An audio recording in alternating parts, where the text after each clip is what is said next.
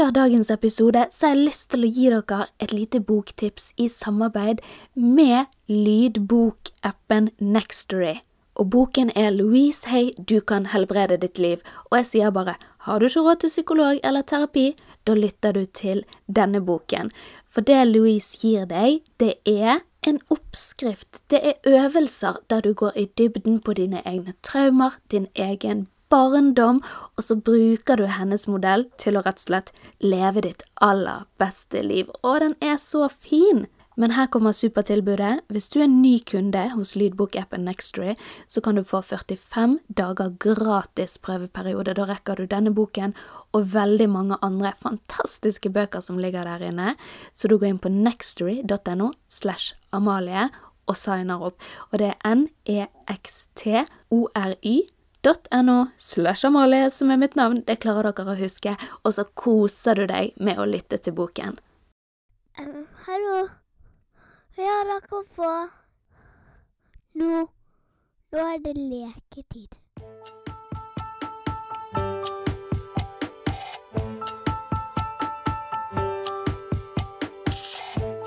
Ok, hallo, hallo, hallo, hallo, hallo. Velkommen til en ny Minifil-episode. Og denne gang, hvis noen hører barnerop i bakgrunnen, bare slapp av. Det er ingen som blir mishandlet. Det er ingen unger som lider nød. De har en pappa som driver med da barnepass, hører jeg veldig mange sier. Det er sånn, ja, nå skal pappaen passe ungene. Akkurat som om han, han ikke eier 50% av de ungene der sjøl. Nei, han skal passe de. Ja. Ja. Nei, fedre er ikke barnevakt, altså. Nei, vi er heldigvis ikke det.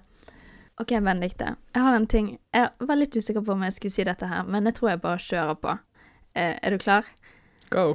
I dag så fikk jeg en liten sånn vond klump i magen fordi det kom ut en artikkel i en av de lokale avisene her i Bergen, der det er altså en som jeg har gått i klasse med, som beskriver eh, mye mobbing, da, Ja. i altså min klasse, der som jeg har gått.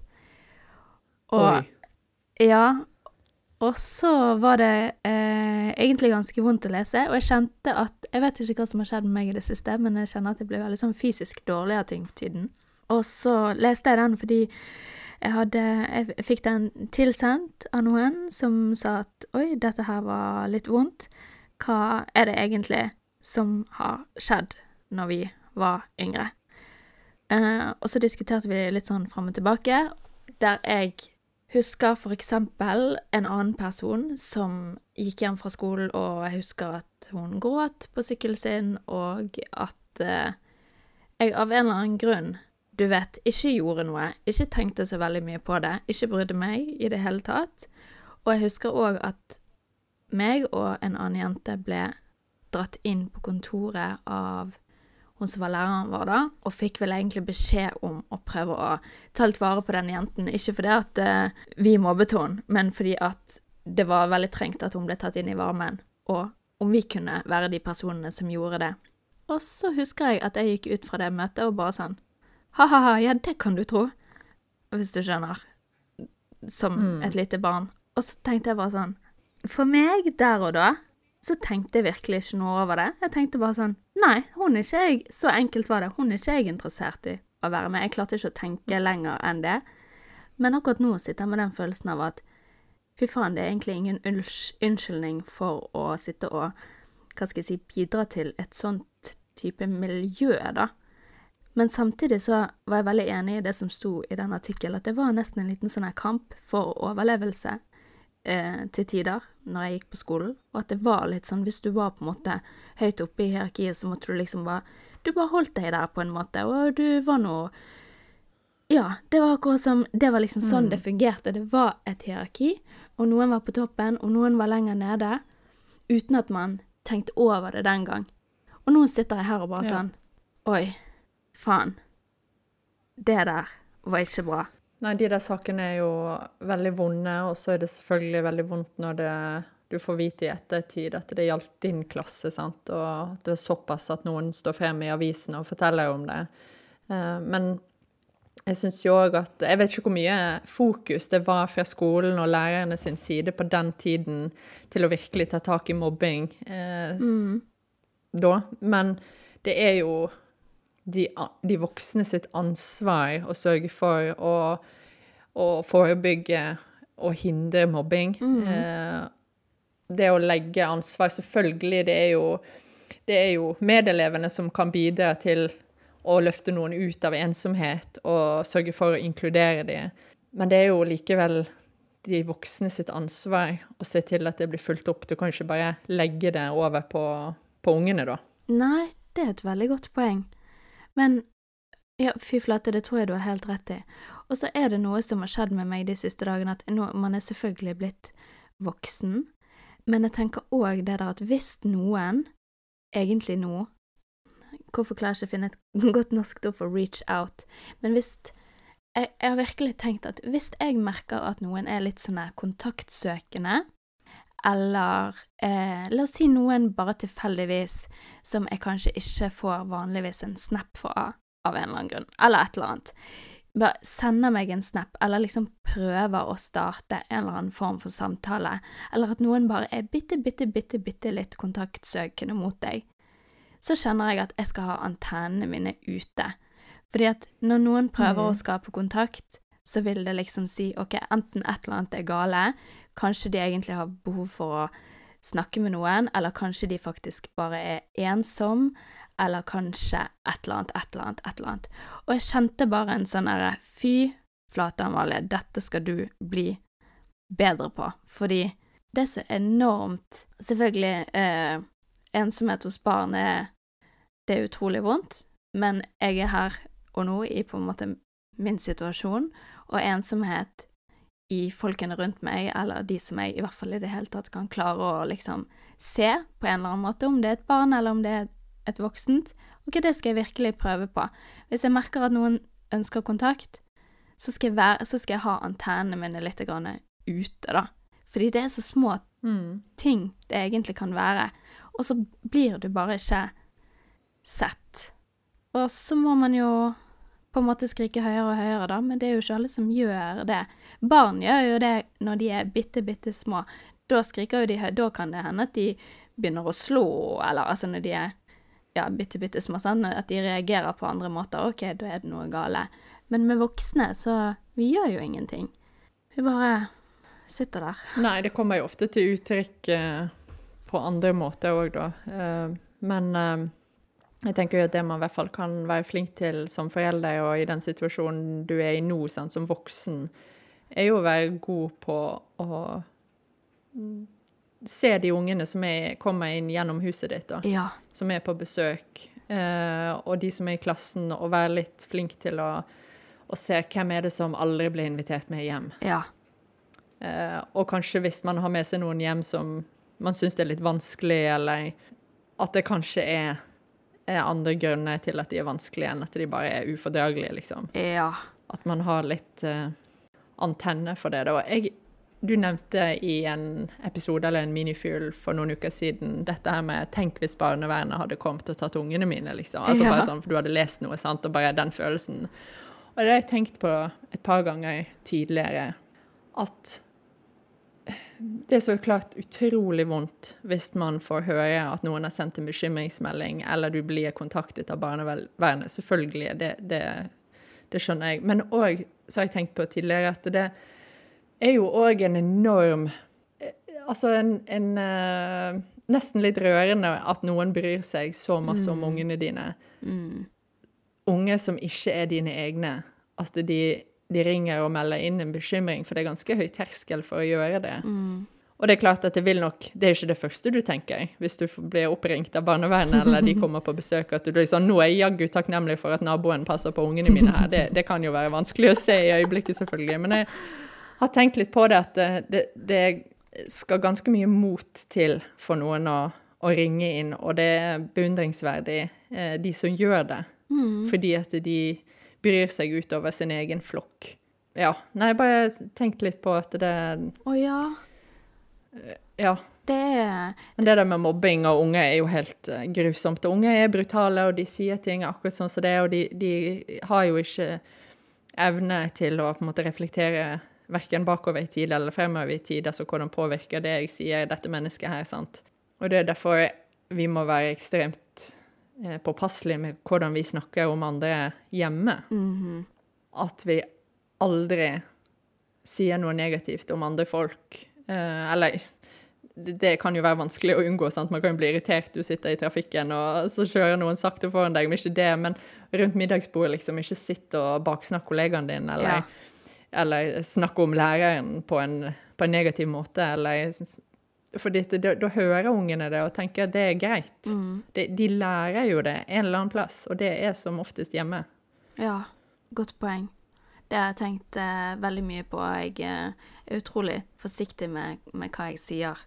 Ikke bare for Nikolai, men, men sånn generelt, fordi det som egentlig er det verste for et menneske når du står i f.eks. en utrolig, utrolig fæl situasjon, det er jo egentlig, egentlig at alle andre rundt går og sladrer om det, og du får det der inntrykk av at å nei, nå vet absolutt alle det, fordi at det blir så mye prat. Og jeg har liksom sett det eh, skje flere ganger at for eksempel så var det en, en hendelse her da, der du på en måte fysisk kunne se at eh, noe hadde skjedd. At OK, denne personen her, den har liksom gjort noe, og alle kan se det.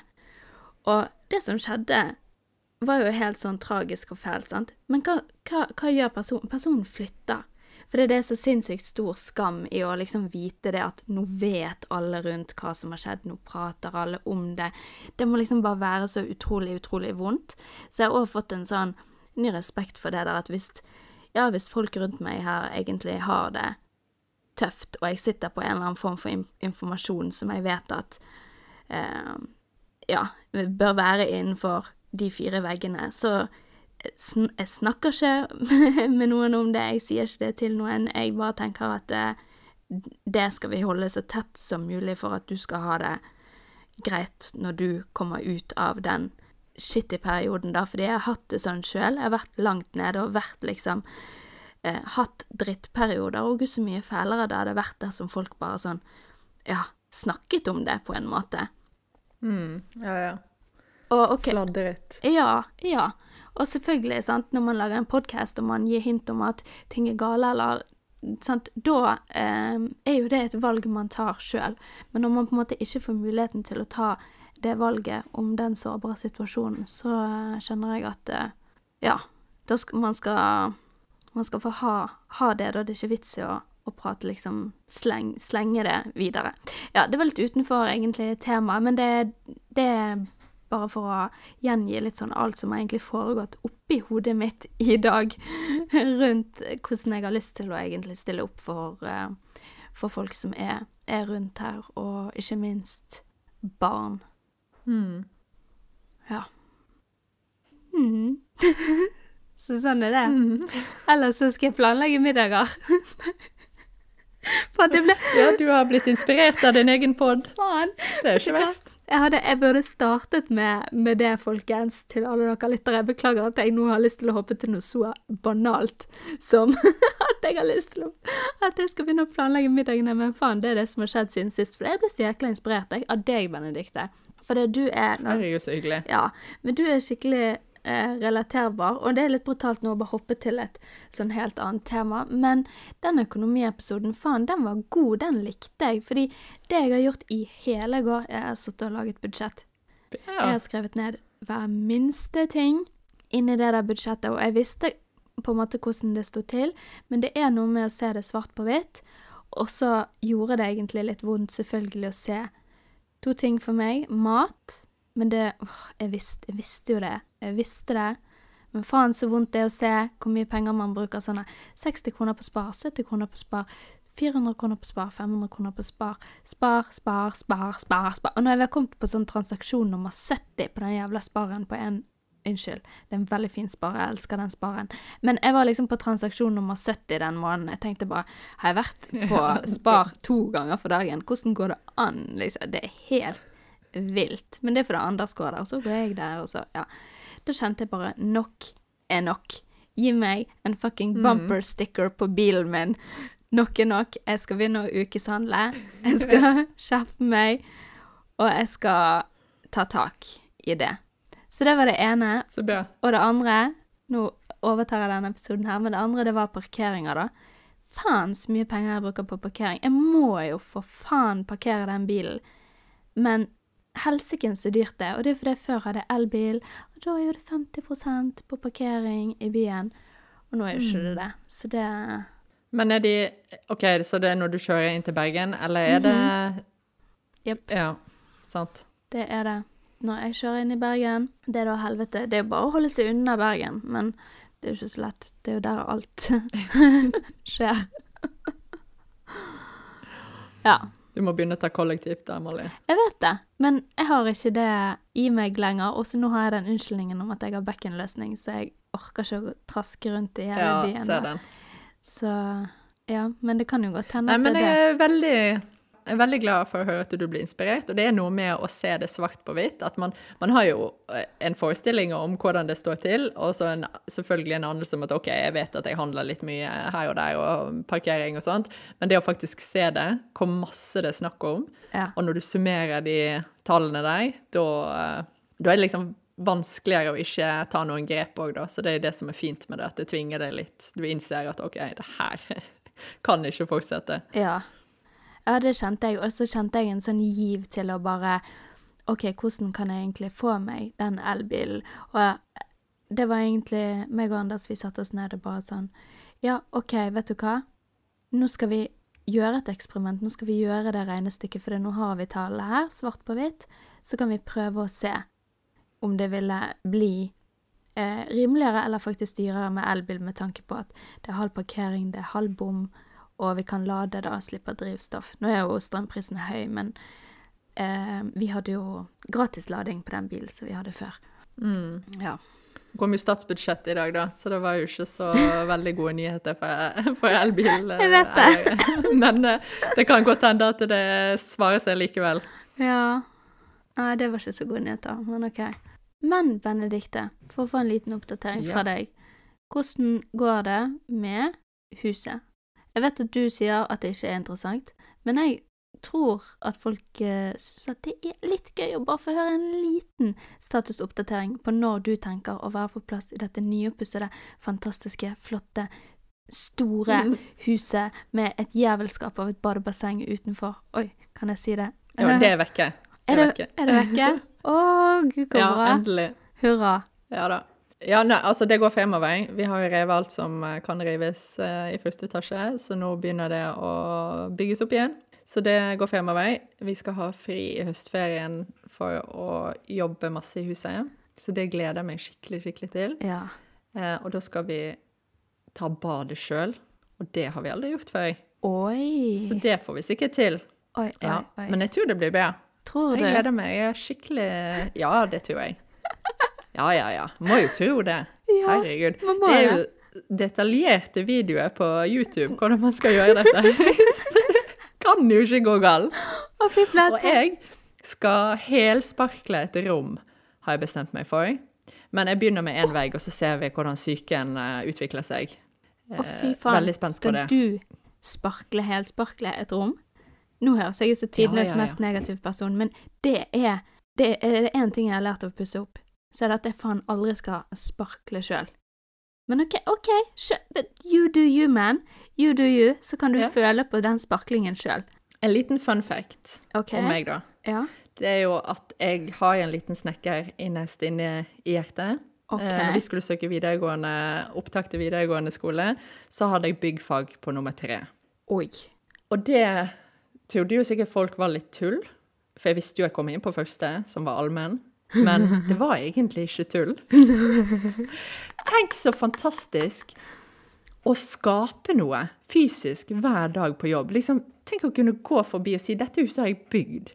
Denne tingen har jeg vært med å lage, liksom. Og skape hjem for folk, og få det fint. Og nei, det, jeg kjenner på at hadde det ikke vært for at jeg hater å fryse, så kunne jeg ha tenkt meg å være snekker også. Så det er litt derfor jeg på sånn, kunne ha outsourcet det. Vi kunne ha fått noen til å gjøre det, men liksom, jeg har lyst til å prøve meg. Ikke at eh, sparkling, helsparkling av rom er eh, det snekkere driver mest med, selvfølgelig. Jeg skjønner jo at det ville jo en maler tatt seg av, men eh, litt sånne type sysler syns jeg er gøy å prøve seg på, da. OK, men da kjører du på. Og så vil jeg bare si til alle der ute som har sett en ekte sparkler sparkle Fy flate så lett det ser ut, og fy faen så vanskelig det er. Det er helt Ja, det er det jeg er litt redd for, da. Det Disse her videoene, hvordan du skal gjøre det, sant. Det ser så enkelt ser så ut, og så tenker jeg. OK, null stress. Ja, ja, ja. Så jeg er jo veldig forberedt på at eh, realiteten kan bli veldig annerledes. Eh, Så jeg er liksom Jeg begynner med en vei, og så ser jeg hvis, hvis det her bare blir helt grusomt, så må jo jeg bare Jeg har ikke noe problem med å si at OK, dette fikk jeg ikke til, og så får noen Nei, andre ta nei, nei. over. Nei, og nå var jeg Men jeg har lyst til å prøve meg, da. Det er jo litt gøy. Ja, og nå var jeg en av de negative personene som jeg eh, disset i forrige episode. De som sier 'hæ, skulle du få det til?' Altså, kom igjen, kjør på. Men én ting vil jeg bare si, som jeg er så stolt over min lillesøster, for hun er Ja, jeg vet ikke. Jeg burde sagt det til henne mer hvor faen så mye banning det blir fra meg, men så jævlig stolt jeg er av hun. For hun har først og fremst tatt jordbruk, og nå går hun altså på tømrer eh, i eh, På Dovre, der som jeg og deg var på heste rideskole når vi var oh, ja. Ja. Og hun går en sånn eh, tømrerteknikk som Er det lefting det heter? Altså type den gammeldagse metoden? Ja, ja. ja. Så du fletter de liksom inn i hverandre. Et eller annet sånt. Herregud, så gøy. Så når hun er ferdig der, så er hun ferdig tømrer i tillegg. Altså Vet du hva, Malie, jeg kom på da? Da kan hun bygge denne A-framen du har lyst til å ha på tomten din, så du kan leie ut. Ja! Det er perfekt. Vet du hva? Hun er ansatt. Det er bare å skaffe seg et eh, En laftet A-frame, det er jo helt nydelig. Ja. Enkeltpersonsforetak, min kjære lillesøster. Så kommer du her, og så er det ditt, din første jobb. Det hadde vært helt fantastisk hvis det, vi kunne ha ordnet noe sånt. Herregud. Oi! Nei, men så kult, da. Det er stilig. Ja, jeg gleder meg sånn. Tenk at jeg skal få en tømrer i familien. Det blir vilt. Det er det jeg trenger i livet mitt.